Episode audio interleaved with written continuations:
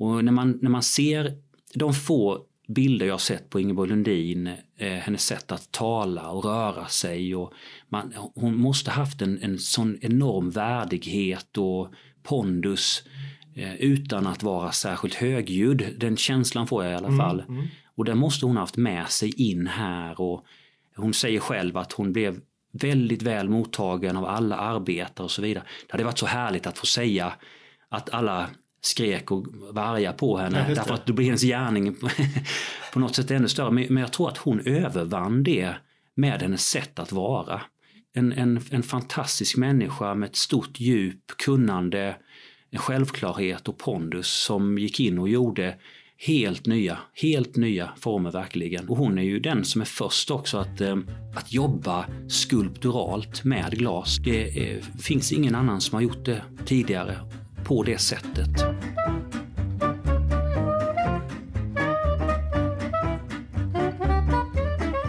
Din podd på jorden är Kulturparken Smålands podd om Kronoberg. Här pratar vi om stort som smått inom länets kulturhistoria från forntid till nutid.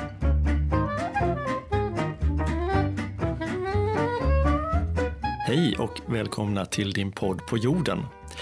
Idag har vi tänkt uppmärksamma Ingeborg Lundin, glaskonstnären som idag skulle fyllt 100 år. Och med mig har jag Björn Arvidsson, en glasantikvarie här på Kulturparken Småland. Hej! Hallå, hallå Björn! Eh, Ingeborg Lundin hon föddes då 1921, 30 mars, så på dagen 100 år sedan. Vem var Ingeborg Lundin? Hon var född i Växjö, som sagt då 1921 och hade faktiskt ganska så snart en sjuårsperiod i USA. Så hon eh, ja, utvandrade kan man väl säga, fast kom tillbaka då efter den här sjuårsperioden. Ehm, och sen hade hon sin stora utbildning i Stockholm. Ehm, och den pågick då mellan 1941 och 46 och fem år var hon på Konstfack faktiskt och eh, blev till slut teckningslärare. Och det var faktiskt på den vägen hon också kom till Orrefors. Det låter ju kanske lite märkligt att man som teckningslärare eh, hamnar på, eh, på ett glasbruk av den rangen också. Men rektorn på Konstfack som hette Åke Stavenov han rekommenderade henne helt enkelt att söka en plats i Orrefors som han hade annonserat ut. Och eh, om jag nu har läst in mig rätt på det här så sökte man faktiskt just eh, teckningskunniga människor. Jag vet inte om det har med, med Simon Gate, en annan sån här eh, Orreforskonstnär som man då anställde 1916. Han var ju också oerhört duktig just tecknare. Ja. Man har goda erfarenheter av det.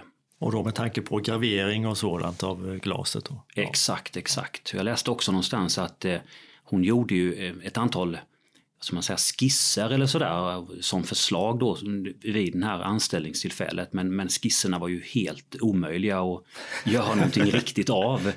Ja. Eh, men däremot hade hon också ett självporträtt med som eh, man tyckte var fantastiskt. Så det var lite grunden till hennes anställning ja. till och med. Förutom att Ingeborg Lundin då skulle fyllt 100 år idag så är det ju naturligtvis så att vi gör den här podden med anledning av att hon kommer att bli en förgrundsgestalt inom, inom glaset och en av de första kvinnliga pionjärerna och kanske den första kvinnliga internationellt kända glaskonstnären från Sverige eller glasriket. Och Ingeborg Lundin kommer till Orrefors 1947. Kan du berätta något om vad Orrefors är för ställe 1947 och något om vad som resan fram till, till dess? Just det, vi, jag tror så här att de, de flesta människor levande idag har någon slags känsla av eh, det här det konstnärliga landskapet eller hur man nu ska uttrycka det hela. Det, det är någonting som vi tar för självklart. Det, det, har alltid funnits och Sverige har alltid legat i framkant. Och, nej, vi, vi är säkra på form och uttryck och vi är moderna på, på alla sätt och vis. Men eh, vid den tiden så är det ganska nytt. Vi har ju en period, eh, vad kan det bli? Jag är dålig på matematik här men under 1550-talets mitt startar ju egentligen de första glasbruken i Sverige. Och fram till 1900 eh, egentligen så, så har vi ju vi har inget konstnärligt ritat eller framtaget glas utan vi gör ju egentligen sådant som, som andra gör. Ja.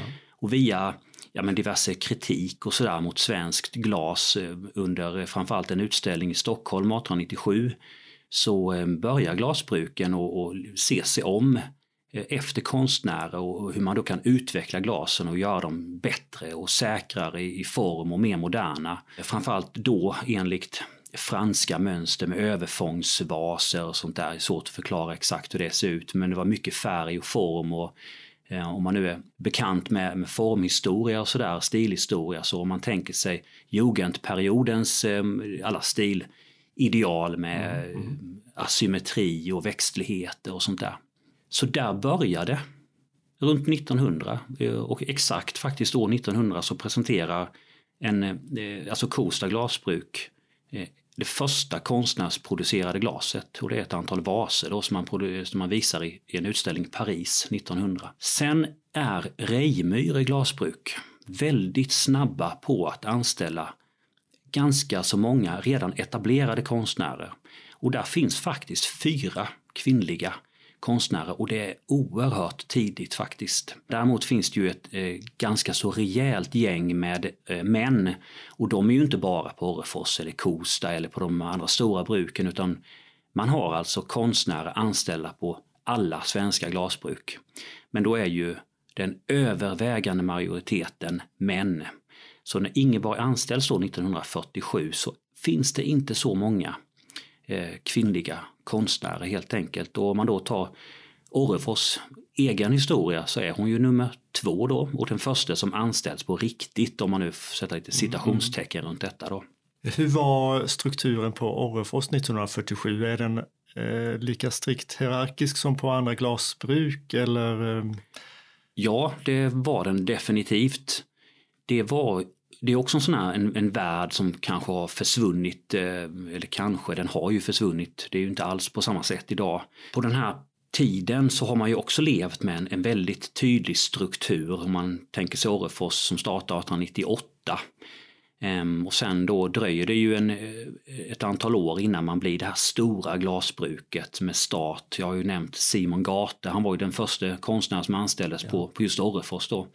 Edvard Hall kommer dit, Vicke Lindstrand och Nils Landberg och många, många andra otroligt duktiga eh, konstnärer. Och sen har man ju eh, då en, en, struktur på glasbruket där man har eh, mästare som sitter med, med väst och, och klocka i fickan. Alltså de, de, de hade ju de sågs ju inte alls som några jämlika utan mästarna var mästarna. Så hade vi formgivarna som var finklädda naturligtvis. Det var ju inte att man, man kom till sin arbetsplats som en, som en vanlig person om man säger så. Och sen hade vi brukspatronen och alla de här. Eh, och vad gäller Orrefors, eh, själva historien, det man åstadkommer under de här första decennierna på 1900-talet är ju fullständigt enastående. Vi har ju en period då eh, fram till 1916 när Simon Gate anställs där man egentligen var ett ganska så ordinärt glasbruk. Men eh, man hade en ledning som, som verkligen trodde på att det fanns möjlighet att utveckla och man rekryterade ju oerhört duktiga människor till Orrefors. Man såg verkligen, verkligen till att man fick ett, ett arbetslag i världsklass, brukar jag kalla det. Och enklast är att jämföra inom sportens värld, ja. där man liksom knyter de bästa till sig. Och så producerar man då fantastiskt konstglas. Ehm, redan 1916 så har man ju då eh, fått fram Gralen som är en, en svensk produkt. En svensk, en utveckling av det Jugendglaset som jag nu nämner för tredje eller fjärde gången. Eh, fast med ett inneslutet mönster, om man nu ska förklara det så enkelt som möjligt. Men det var en, en, ett konstglas som inte fanns någon annanstans i världen. Och vid den här tiden, 1916, 17, så börjar man också utveckla det graverade glaset man knyter fler och fler gravörer till sig. Och de gravörerna man knyter till sig är otroligt, otroligt duktiga. Och man höjer nivån till oändliga höjder. Det är fantastiskt hantverk verkligen. Som man då kombinerar med det här konstnärligt utformade. Och 1925 så eh, visar vi bland annat det här graverade glaset i Paris på en stor konstindustriutställning där. Och då får Orrefors fem guldmedaljer och höjs till skyarna och, och andra konstnärer från andra länder går runt bland glaset och tycker det är fantastiskt och René Lalique, en fransk konstnär, ska ha sagt att så här ska det se ut. Och det blev en, en rejäl språngbräda i och med Paris och just det svenska glaset kom att kallas för Swedish Grace och sådana här saker. Och det, det, internationella, det blev en stor internationell uppmärksamhet. Orrefors var då absolut världsklass, uppe i topp bland de absolut bästa som fanns i hela världen. Eh, och det säger inte jag bara för att jag tycker det, utan det var verkligen ja, så. Ja. Så det är klart att eh, det, det måste ha varit ett hyggligt tungt ok när Ingeborg Lundin kommer till Orrefors 1947. Det finns också en annan eh, sak som är viktig att lyfta in i det här och det är att eh, vi har en, en period från ungefär 1930 då när eh, depressionen sprids över världen så är det klart att det blir ekonomiskt oerhört tungt för många glasbruk. Många får lägga ner också. Ja. Orrefors klarar sig och vad jag vet så har man ju de flesta konstnärer faktiskt kvar under hela 30-talet. Eh, sen kommer ju ett andra världskrig också från 39 och det blir ytterligare tungt för hela världsekonomin. Och då har vi ett slut på andra världskriget 1945. Eh, och då är det bara två år kvar tills Ingeborg anställs. Och under den här tvåårsperioden så händer det ytterligare grejer på Orrefors. Simon Gata han är 62 år vid den här tiden och dör. Nu vet jag inte exakt hur mycket han jobbade just vid den här perioden. Mm, mm. Men han är ju ändå en eh, nestor vid bruket och han försvinner och han var ju den första som anställdes. Vi har en annan situation där eh, man får ett ägarbyte 1946. Henning Beijer tar över och i samband med det här eh, eh, som sker då efter andra världskriget så diskuteras väldigt mycket kring framtiden. Vad, vad, hur ska vi göra? I omvärlden så har man gått över väldigt mycket på maskintillverkat. Man eh, producerar industriellt på ett helt annat sätt och det fanns starka krafter som ville det även på Orrefors. Att man skulle göra flaskor och burkar och eh, servisglas i maskiner istället. Hur skulle man nu göra? Och då eh, vinner då den här konstnärliga sidan, den, den här eh, sidan som förespråkade det, det, gamla sättet, att man, man formger, man, man, man gör det vackra hantverksmässiga glaset. Dessutom hade man ett 50-årsjubileum då för det här stora bruket Orrefors som var världskänt och det var 1948. Ja. Och då vill man då se till att man har duktiga konstnärer som, som kan producera till, de här, till det här jubileet. Och då anställer man Ingeborg Lundin.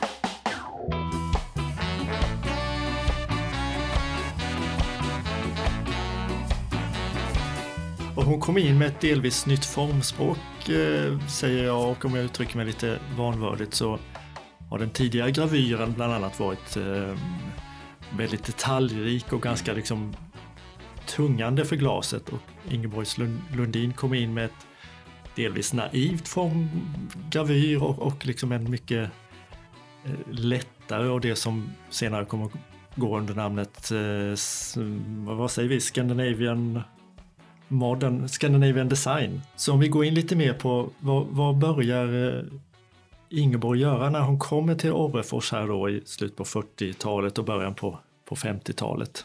Något av det första hon gör när hon kommer är eh, ett antal orkidévaser som visas på det här 50-årsjubileet som jag nämnde tidigare, Orrefors mm. 50-årsjubileum. Och de är eh, de ser för det första väldigt moderna ut faktiskt om man tittar på dem idag. Eh, och då får man föreställa sig en, en vas med nedvikta kanter. Det låter ju inte alls som något fantastiskt idag kanske men, men, ju, men då var det det. Det, det, var, det var liksom asymmetriska former. Eh, och det var, det var en, kanske för Ingeborg Lundin ett, ett första försök att hitta sin formgivning och så vidare. Men snabbt kan man också se på hennes, på hennes ritningar då. Man, man får ju aldrig glömma hennes bakgrund. Hon var ju oerhört duktig tecknare. Hon visste ju exakt hur man skulle framställa bilder och så vidare på ett mycket, mycket naturtroget sätt. Men när man tittar på det hon gjorde så kan man inte riktigt tänka sig det alltid. Och då har vi hedersgåvor då som, har, som hon har gjort eh, gravyrskisser till. Ja. Eh, och de, de hedersgåvorna de är ju beställda av någon. Det kan ju vara någon som jobbar inom träindustrin exempelvis. Då har ju hon gjort en så minutiös ritning på detta så att man, man tror knappt att det är möjligt att man kan göra det. Så fina är de verkligen. Vänder man sidan och tittar på nästa skiss så kan det vara en, en, en, en, ett konstnärligt glas som hon har då gjort en gravyrskiss till. Som, alltså det, det, är, det är så otroligt eh, annorlunda. Det är så väldigt, väldigt konstnärligt. Det känns nästan som att hon hon satt och, och liksom gjorde de här minutiösa, perfekta, så var hon nästan tvungen att gå ut och bara rita av sig och göra något konstnärligt, någonting som bara kom spontant ur ja, henne. Ja.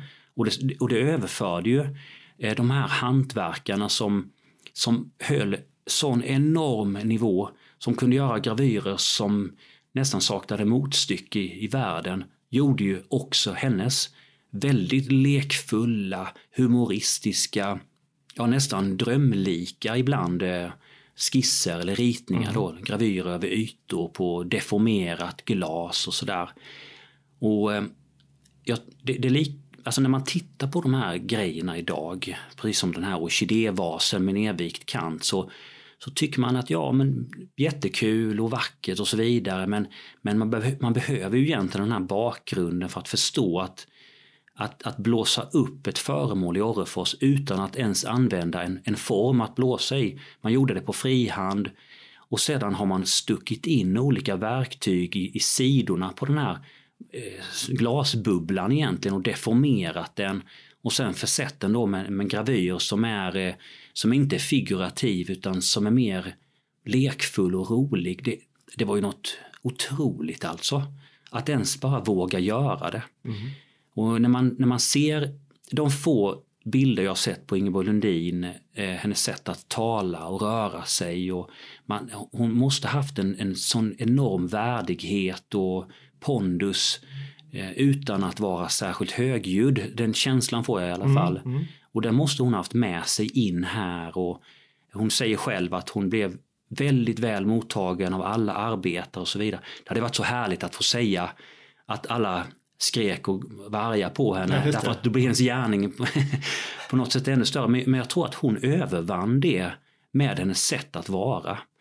Så att en, en, en fantastisk människa med ett stort djup, kunnande, en självklarhet och pondus som gick in och gjorde helt nya, helt nya former verkligen. Helt nya, totalt nytt. Eh, och hon är ju den som är först också att eh, att jobba skulpturalt med glas.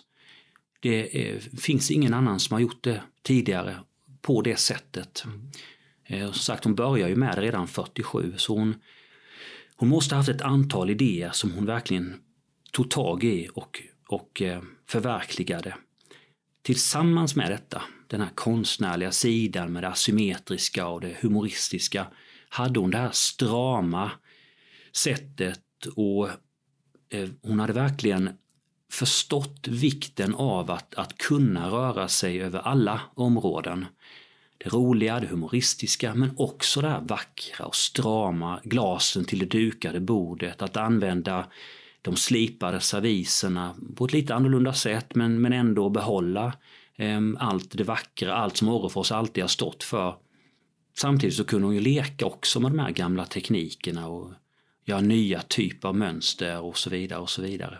1955 så händer något speciellt och då får man väl säga att det tillkommer eh, Ingeborgs stora hit eller det som hon blir mest förknippad med, i alla fall så här i, i efterhand eller i vår tid. Just det, och det är ju Äpplet du tänker på som eh, ritas 1955.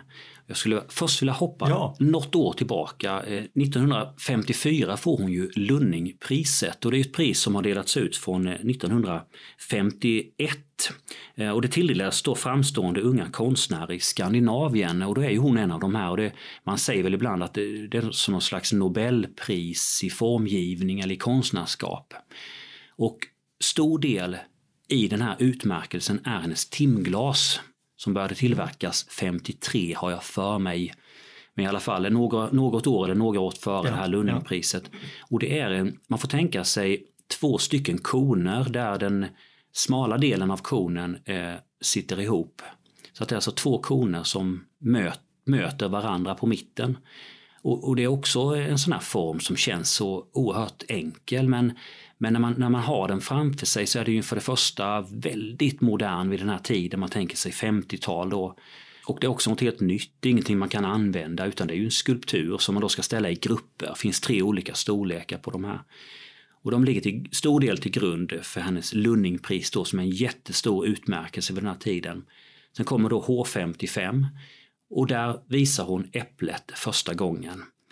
Och li, alltså formmässigt är de helt olika varandra, timglasen och äpplet och sådär men, men det är fortfarande det här avskalade. Äpplet är ju en stor bubbla som hon först gjorde i ofärgat glas, sen la hon till eh, grön färg så att det blev ännu mer äppellikt och sen gjorde hon några lite mer ihoptryckta former som eh, jag har för mig kallas för melon. Eh, och de brukar vara ja, men lite vinröd, violetta sådär i tonen. Och äpplet då blev en, en internationell ikon. För 1957 så får hon guldmedalj i en triennal i Milano. Och då är det det här äpplet som ligger då eh, till grund för utmärkelsen. Eh, och jag har för mig att faktiskt, eh, om det nu var till den här triennalen eller om det var kommande sådana stora utställningar runt om i Europa. Men man använder helt enkelt det här äpplet som, som symbolen för glas på, ganska många olika stora, stora utställningar. Um, och man använder det i marknadsföring och så vidare. Och det var ju inte bara Orrefors utan det var väldigt internationellt gångbart, själva formen, själva formgivningen med det här äpplet. Och den har ju den där spännande kombinationen av att på något vis visa upp glaset men också rymden och luften runt omkring och, och i glaset. Utan tvekan, utan tvekan hade det det. Kerstin Gynnestedt som har skrivit eh, boken En skimrande bubbla av glas om Ingeborg Lundin. Så eh, om jag tolkar henne rätt där så faller den lite i glömska sen för att sedan Äpplet komma tillbaka eh, i början av 90-talet och det är en vandringsutställning om svensk glas i Japan. Och att det då kommer tillbaka som en just modern designklassiker i den vevan. Och det är ju fantastiskt. Vi, vi, när man jobbar med glas eller när man är intresserad av det så, så, eh, finns det en del sådana här former som är så gångbara så att de egentligen aldrig försvinner. Och det här är ju ett sånt jättebra exempel på det. Det är ju ändå, om man jämför 50-tal med 90-tal så är det ju inte jättemycket annat designmässigt som kanske passar ihop men ja. Eh, otroligt. Det kan vara så. Om vi fortsätter framåt eh, under eh, 60-talet då eh, och Ingeborg, vad, hur, vad händer då? Då kan man säga egentligen om man vill göra det lite enklare för sig och försöka hitta en, en tydlig linje så kan man säga att det under 60-talet har satt sig ganska så rejält, hennes, hennes formspråk, hennes sätt att uttrycka sig. Och det som jag tycker är mest eh, eh, tydligt för Ingeborg Lundin under den här perioden är väl egentligen hennes, hennes Ariel-produktion. Det fanns en annan konstnär på Orrefors som hette Edvin Örström som eh, tillsammans med Vicky Lindstrand, ytterligare en, en annan Orreforskonstnär, tog fram en, en teknik där man eh, innestängde eh, olika mönster både i färg men också i luft. Och det låter ju lite märkligt, det ser nästan lite silverskimrande ut ibland inne i glaset Eh, och det är helt enkelt att man, man gör mönster och sen så innesluter man, alltså mönstret blir till luft. Och, ja, jag vet inte om någon förstår alls vad jag pratar om här men eh, eh också en sån här teknik som, som blev internationellt gångbar, utvecklad i Sverige och väldigt förknippad med Sverige. Den här konstnären Edvin Örström slutar 1958 eh, och när han slutar så uppstår det väl någon slags tomrum kring den här tekniken och den, den fortsätter hon med så hon, hon går ifrån, nej men det här äpplet har vi nämnt, timglasen har vi nämnt, väldigt lätta former med, mycket, med, med luft och lätthet till de här Ariel-glasen som är precis tvärtom. Det är färg och de är ju alltså rent fysiskt oerhört tunga. De är ju tjockare tjocka, då för att göra en banal iakttagelse. Ja. Precis, precis. Väldigt tjocka är de. Och hon lyckas utveckla det, hitta sin, sin grej med detta också. Och hon gör ganska så mycket Ariel under en, och under en ganska så lång period. Eh, sen finns ju också under den här perioden och givetvis började hon med det tidigare med men hon har stora, stora linjer med, med, eh, med servisglas och sådana här saker också. Så man, man, självklart så måste man väl säga att den här Ariel-produktionen på något sätt var var inte trevande, helt fel ord, men att den var experimentell. Det måste den ju ha varit, för hon måste ju lära sig den här tekniken och så vidare. Men, men hon var inte speciellt experimentell under de här sista kanske sju, åtta, vågar man säga tio åren fram tills att hon slutade 1971 då. Ja, som du sa, 1971 så slutar Ingeborg Lundin på Orrefors. Och vad är bakgrunden till att hon slutar? Det är väl svårt att sätta fingret exakt på. Men det fanns mycket diskussioner under den här perioden. Jag nämnde ju det tidigare kring 40-talet. Man pratade mycket om det här med maskiner och eh, hur man skulle liksom se, se på tillverkningen av glas. Hur ska man förhålla sig till det? Vid den här perioden så eh, så vet jag inte om det, om det bara handlade om maskiner men det var mycket det här med outsourcing som vi i alla fall kallar det idag. Ja. Men att man helt enkelt man lägger ut produktion på andra länder och så vidare. Eh, och man började prata också om den, den eh, kanske dra ner lite på den konstnärliga friheten.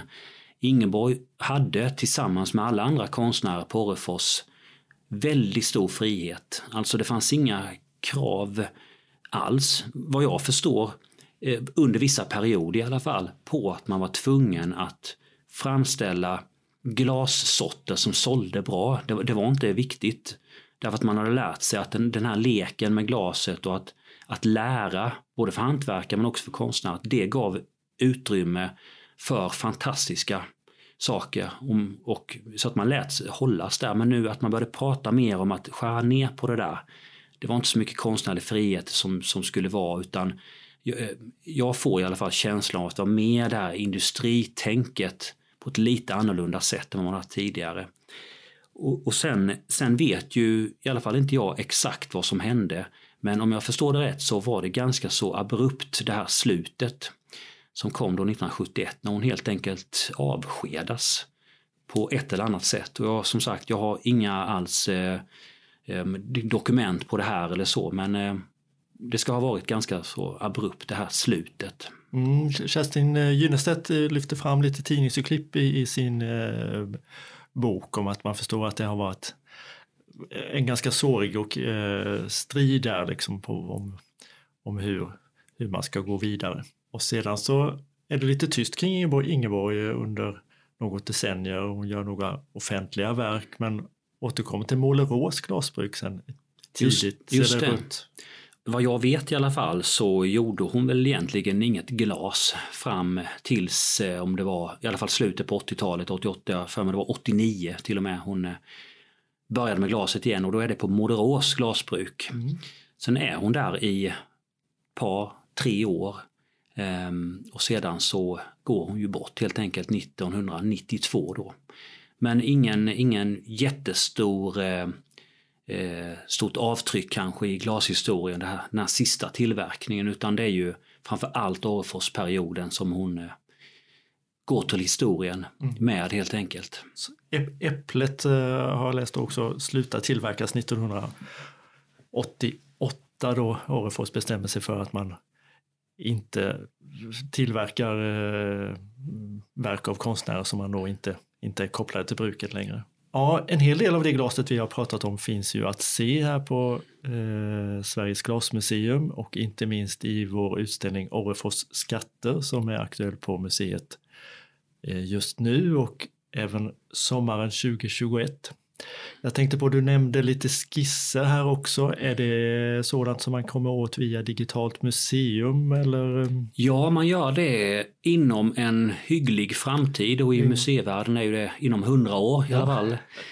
Eh, skämt åsido så håller vi på med just Ingeborg Lundin eh, skisserna faktiskt därför att en del av dem ska visas i eh, Orrefors där vi har ett samarbete med Glasrikets skatter som de heter, en organisation där. Så vi ska göra en Ingeborg Lundin-utställning eh, nu till sommaren då 2021. Och den eh, kommer finnas även sommaren 2022. Och den handlar helt enkelt om Ingeborg Lundins konstnärskap och där visar vi glas naturligtvis tillsammans med bilder, förhoppningsvis film och även då skisser.